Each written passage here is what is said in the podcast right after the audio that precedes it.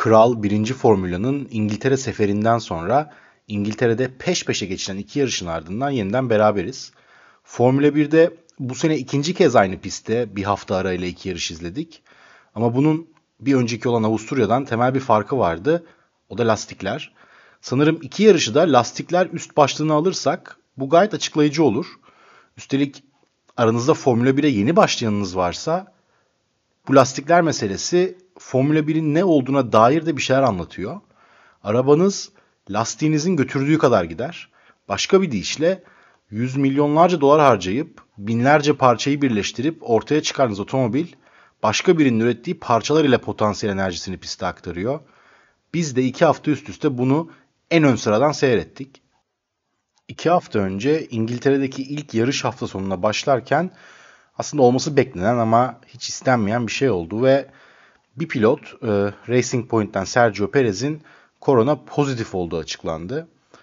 İlk bölümde de söylemiştim. Takımlar böyle senaryolara hazırlar. Hemen acele bir kararla geçen seneye kadar Renault ile zaten Formula 1'de yarışan ama bu sene kontrat bulamayan Nico Hülkenberg Perez'in koltuğu için İngiltere'ye davet edildi. Racing Point şu anki sahibine satılmadan önce Force India ismiyle Formula 1'de yarışıyordu. Hülkenberg de o zamanlar o takımın bir parçasıydı. Takımın içini bilen biri yani. Güvenli bir liman olduğunu düşünmüş olacaklar ki onu çağırdılar. Üstelik biliyorsunuz bu sene Racing Point geri kalanların hatta Ferrari dahil geri kalanların en hızlısı. Bu da Formula 1 fanlar arasında şöyle tatlı bir beklentiye yol açtı. Nico Hülkenberg Formula 1 tarihinde en çok sayıda yarışa çıkıp hiç podyum yapamamış birinci isim. Kariyeri boyunca hiç ilk üçe girememiş. Racing Point'in bu seneki hızı da göz önüne alındığında daha ilk dakikadan itibaren herkes buradan acaba bir peri masalı çıkar mı diye düşünmeye başladı. Bu flash haberle başladığımız ilk hafta sonu aslında her anlamda ölü doğdu diyebiliriz. Eğer pazar günü yarışın o birazdan bahsedeceğim son turu olmasa bence anlatılacak hiçbir şey olmayacaktı. Hatta ben de bu yüzden iki arka arkaya İngiltere yarışını daha nitelikli bir şekilde ele alabilmek için karşılaştırmalı bir bölüm yapmaya karar verdim. Mercedesler yine Hamilton, Bottas olarak 1-2 başladılar. Verstappen 3. sıradaydı. Leclerc Ferrari açısından sürpriz bir dördüncülük aldı sıralama turlarında. Racing Point'ler antrenmanlarda hızlı gözüküyorlardı ama Stroll ancak 6. olabildi. Hülkenberg 13. olup Q2'de elendi. Hazırlanmak için zaman çok kısıtlıydı gerçekten. Yarış koltuğu cuma günü zar zor antrenmana yetiştirildi. Bir de ne olursa olsun 8 aydır yarışmayan biri Hülkenberg ve pilotların maruz kaldığı G kuvveti kondisyonundan da yoksun. Boyun kaslarının çok zorlandığını söylemişti zaten. Daha ilk ona mikrofonlar uzatıldığında asıl ikinci yarışta daha iyi olacağım demeye başlamıştı. Pazar günü yarış yine bu sezon Mercedeslerin 1-2 olduğu herhangi bir yarış gibi başladı. Onlar uzadı, arkadakiler de kendi aralarında bir kavgaya tutuştular. Silverstone lastikleri Herman Tilke'nin çizdiği pistlerin aksine dur kalklarla zorlayan bir pist değil. Pistin %66'sı tam gaz geçiliyor. Ama bu birbirine bağlı virajlar ve tam gaz geçilirken otomobili içe doğru büken kuvvetler lastikleri hakikaten çok yıpratıyor. Bu durumdan kaynaklı şikayetleri de hafta sonunun başına itibaren duymaya başladık zaten. Herkes lastikleri nasıl idare etmemiz gerekiyor onu çözmeye çalışıyoruz diyordu takımlar tarafından.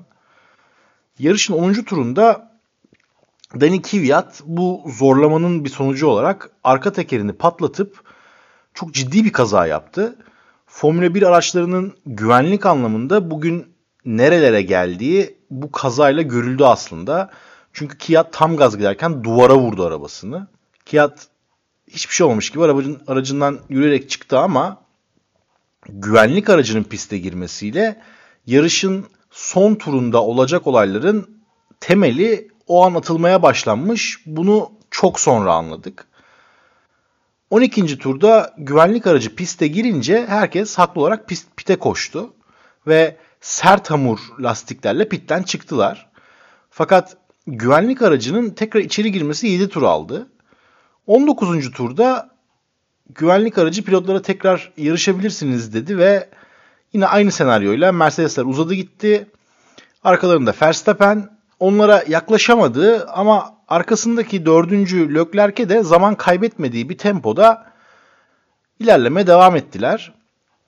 Ve yani yarış artık bu şekilde öyle bir oturdu ki bitmeye yakın ön taraf alacakları puanların hesabını yapmaya başlamıştı. Biz de uyuduk. Son turlarda radyo telsizlerinden farklı pilotlar aynı şikayeti dile getirmeye başladılar. O da lastiklerin aşınmasından kaynaklı bir vibrasyon sorunu bahsettikleri. 48. turda 52 tur bu yarış. 48. turda Valtteri Bottas'ın sol ön tekeri patladı. Verstappen de arkasındaki Leclerc'le fark yeterli olunca en hızlı turdan gelecek bir puan almak için hemen pite girdi. Bir tur sonra dördüncü sırada giden Sainz yine aynı tekeri patlatınca telsizden yarış lideri Hamilton'a endişeli bir tonda dikkat etmesi gerektiği söylendi. Tam olarak o sırada ikincinin 30 saniye önünde olan Hamilton'ın da sol ön tekeri patladı ve hepimizi uyutan yarış son turda bir anda canlandı. Verstappen için birincilik şansı doğmuş oldu. Fakat o 30 saniye ancak 6 saniyeye inebildi ve yarışı Hamilton 3 tekerlekli arabasıyla kazandı. Hamilton bunu da yaptı. Yani bu bir pilotun planlayabileceği bir şey değil. Mesela Hamilton'ın önünde 91 yarışlık Michael Schumacher'in rekoru var ama Hamilton bu şekilde de tarih adını yazdırdı. Verstappen ikinci oldu, Leclerc de üçüncü oldu. Yarıştan sonra Verstappen'in pite girme kararı sorgulandı tabii. Sorgulandı derken o an için bu çok doğru bir hamleydi. Fakat sıcağı sıcağına hepimiz pite girmese alıyormuş yarışı dedik. Olayın böyle olmadığı yarışın hemen ardından Christian Horner'ın açıklamasıyla netleşti. Verstappen pite geldiğinde onun da lastiklerinde gözle görülür açık, açılmalar varmış. Az daha Charles Leclerc yarışı kazanacakmış. Daha önce de söylemiştim. Formula 1 her şeyi tahmin etmeye çalışan takımların tahmin edilemeyenlere yenildiği bir spor. Pirelli'nin bu yarışa getirdiği sert lastiğin dayanımı, pistin sıcaklığı vesaire bunların hepsi hesaplanır, hesaplanıyor da. Bu konu özelinde ortalığı karıştıran bence Kiat'ın kazası oldu. Kiat kazayı 12. turda yaptı. Güvenlik aracı piste girince doğal olarak tüm takımlara bedava pit stop şansı doğdu. Bu her şey normal. Normal olmayan güvenlik aracının pistte beklenenden daha uzun kalmasıydı ki yine normal şartlar altında bu da otomobillere yarar. Yeni takılan lastik düşük tempoyla daha az aşınır.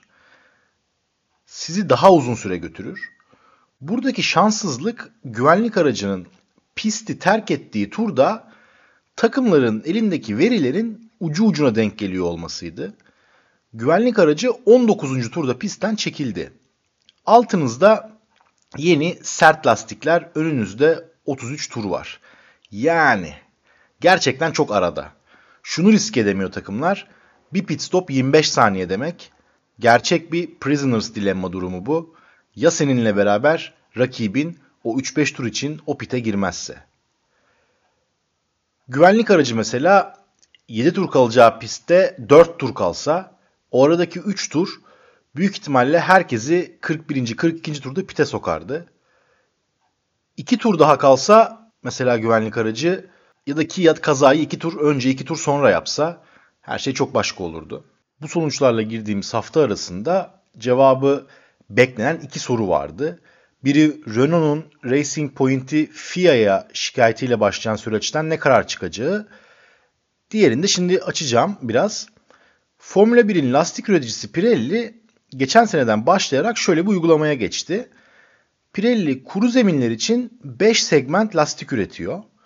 C1'den başlıyor bunların isimleri. C5'e kadar C1 en sert, C5 en yumuşak olacak şekilde ilerliyor. Pirelli bu 5 hamurdan o haftaya uygun olduğunu düşündüğü sıralı üçünü sert, orta ve yumuşak olarak boyayıp yarışın yapılacağı yere getiriyor. İngiltere'ye gelmeden önce Pirelli aslında kararını açıklamıştı.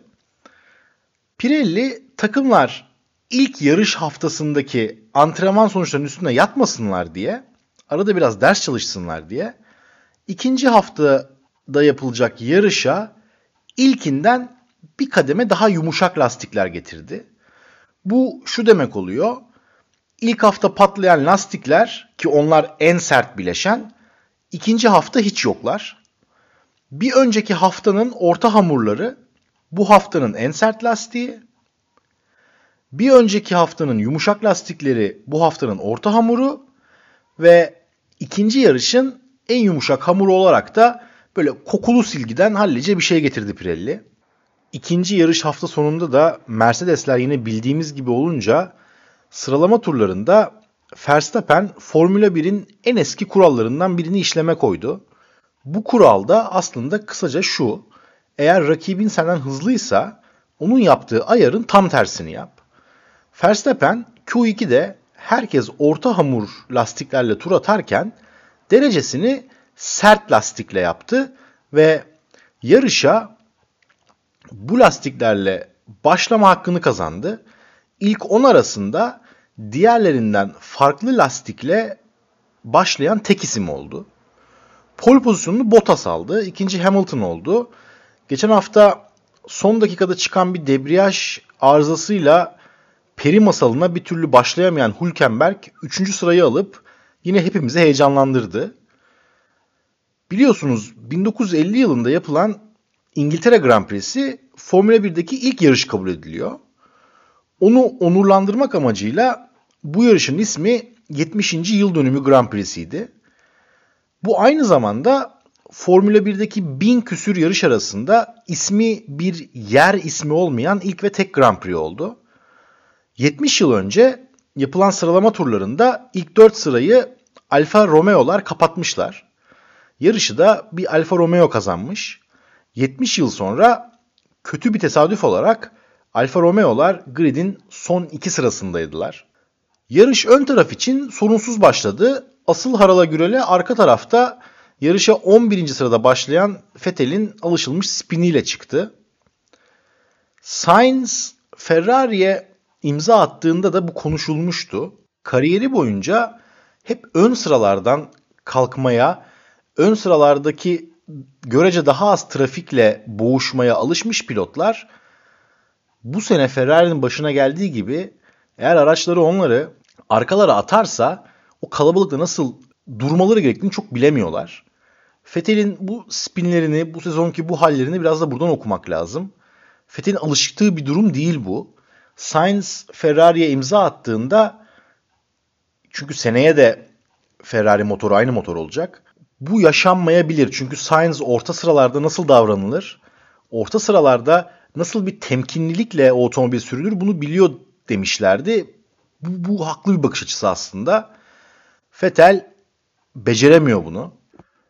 Mercedesler yarışa 1-2 başlayıp ön tarafın getirdiği o boşlukla bir anda çok iyi turlar atıp bir 10-15 saniye fark oluşturmaya mesela bir önceki İngiltere Grand Prix'sinde ilk turun sonunda 3 saniyeydi fark.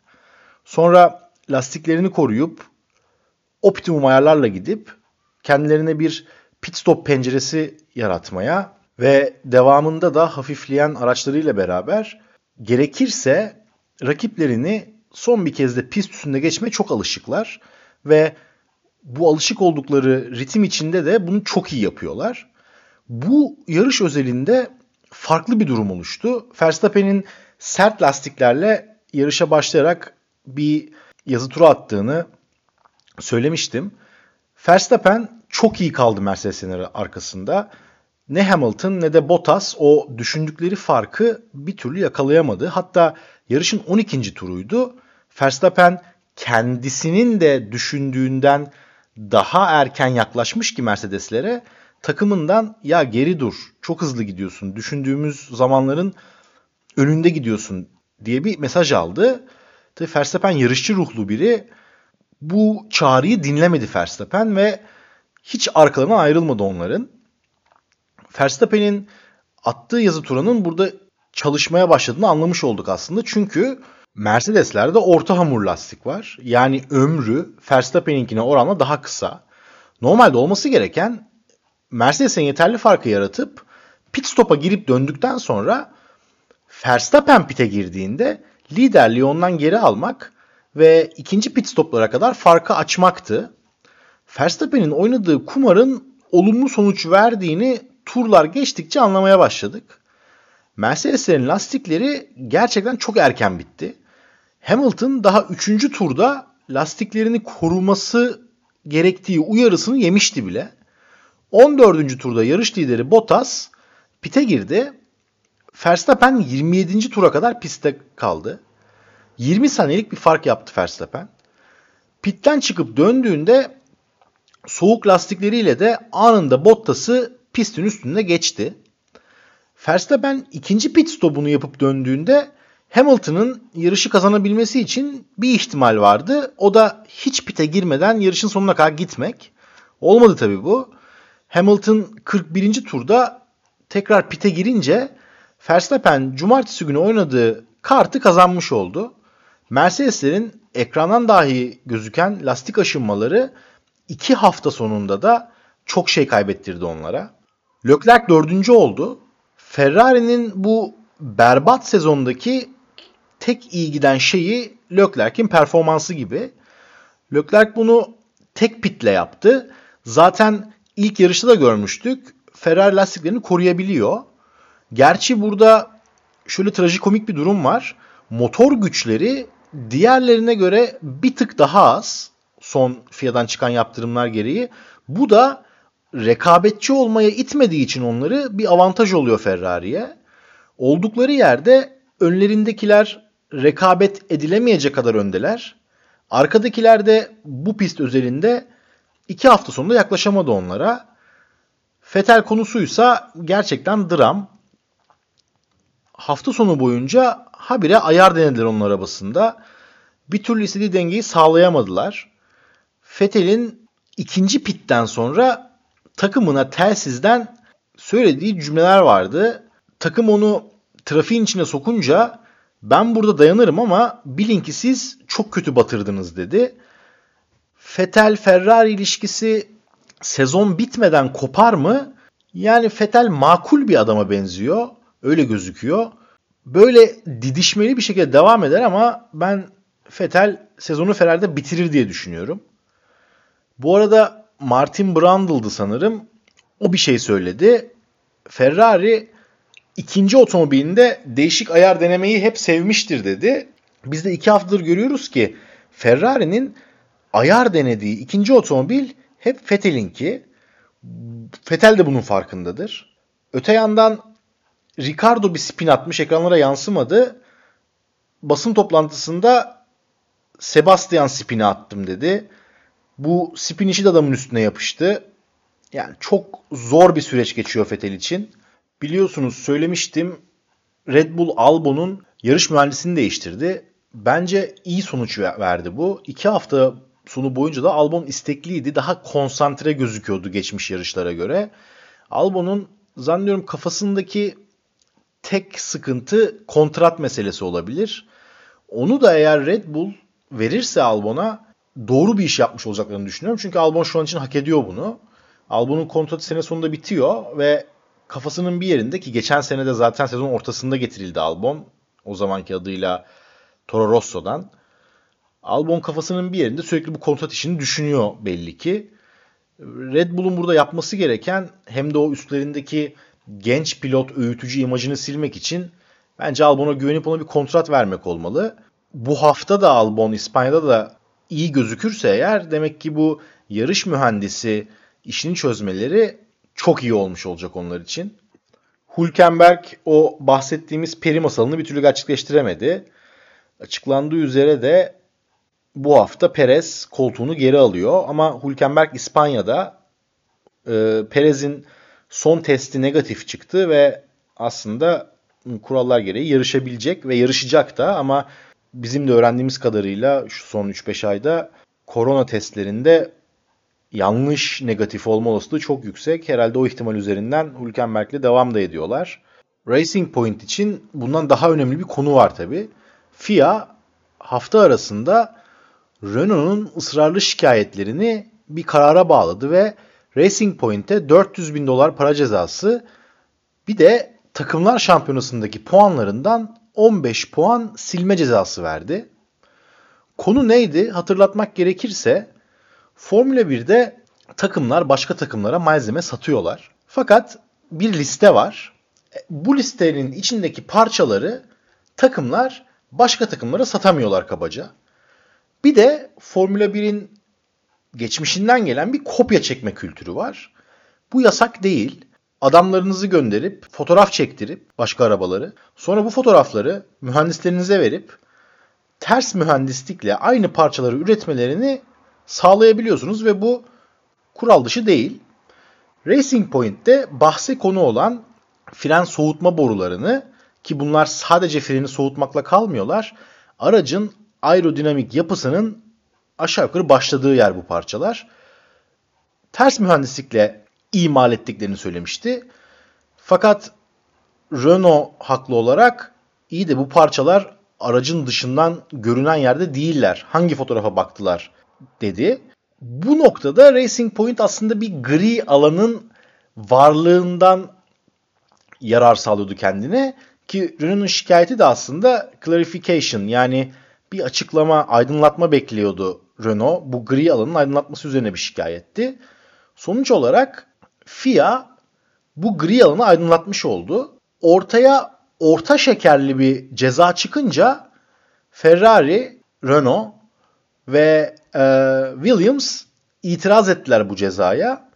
Çünkü burada Formula 1'in kendi içindeki o politikaları devreye giriyor.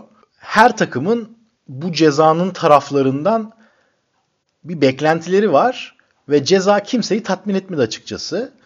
Ferrari Mercedes bu parçayı satan taraf olduğu için Mercedes'in bir yaptırıma uğramasını bekliyordu büyük ihtimalle. Williams e böyle bir şey oluyorsa biz de alsaydık durumuna getirmeye çalışacak ileride bu işi.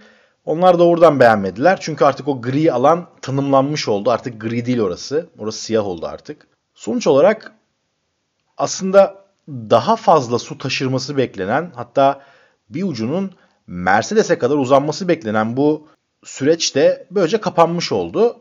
Ki Renault'un da anladığım kadarıyla asıl itirazı buna.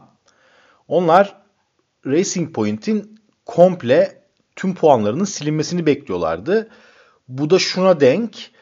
Formula 1'de takımlar bir önceki sene aldıkları puan kadar ve geldikleri sıralamadaki yerleri kadar yayın haklarından gelir elde ediyorlar. 15 puan az gibi gözükebilir ama hemen mesela 4. sıraya düştü Racing Point. Ferrari 3. sıraya çıktı takımlar şampiyonasında. Renault da büyük ihtimalle Racing Point'e gidecek parayı kendine yontmaya çalışıyordu. Sonuç olarak böyle açıklandı. Şimdi İspanya'ya gidiyoruz. İspanya pisti takımların kış testlerinde kullandığı pist ve 8 gün boyunca takımlar binden fazla tur atıyorlar burada. Bu yüzden çok alışık oldukları bir pist. Ama normal takvimde İspanya 5. yarıştı ve Ağustos ayına kalmıyordu. Ki Ağustos ayı İspanya'da sıcakların ayı. Üstelik bu pistin de lastikleri yorması açısından İngiltere'den pek aşağı kalır bir yanı yok. Çünkü bu da yine %60'ı tam gaz geçilen bir pist. Ve İngiltere'den farklı olarak biliyorsunuz İngiltere'deki pist bir 2. Dünya Savaşı üssü olduğu için dümdüz. Bu pist zaten testler de bu yüzden burada yapılıyor. Hızlı, orta hızlı ve yavaş virajların aynı zamanda da yükseltilerin olduğu bir pist. Yani araçlardan çok fazla şey talep eden bir pist. Bu şartlar bir de sıcakla buluşacak. Yağmur tabii ki gözükmüyor. Aksine 30 derecenin üstünde. Yarış günü bir 28-29'a düşüyor ama genel olarak 30 derecenin üstünde hava sıcaklıklarıyla gireceğiz hafta sonuna. Bu arada pist bu kadar hızlı olmasına rağmen geçişi de çok elverişli bir pist değil. Çünkü pistin iki tane düzlüğü var. Bu düzlükler çok hızlı gelinen bir virajdan sonra başlıyor ve çok yavaş bir virajda bitiyor. Buradaki problem de araçların aerodinamik yapısı gereği havayı bozdukları için arkalarındaki otomobil o düzlükte tahmin edildiği kadar öndeki otomobile yaklaşamıyor. Bu yüzden sıkıcı bir yarış da olabilir. Ama bu lastik meselesi ortalığı karıştırmaya devam edecek gibi. Çünkü Formula 1 için tam da şimdi bu aşırı sıcaklar başladı ve normalde bildiğimiz sezonlarda tatil olarak geçilen Ağustos ayında şimdi yarış var. Üstelik daha İtalya'ya gideceğiz. Hatta Portekiz'e gideceğiz. Yine bilinmezlikler bizi bekliyor olacak. Beni dinlediğiniz için teşekkür ederim. Haftaya görüşmek üzere.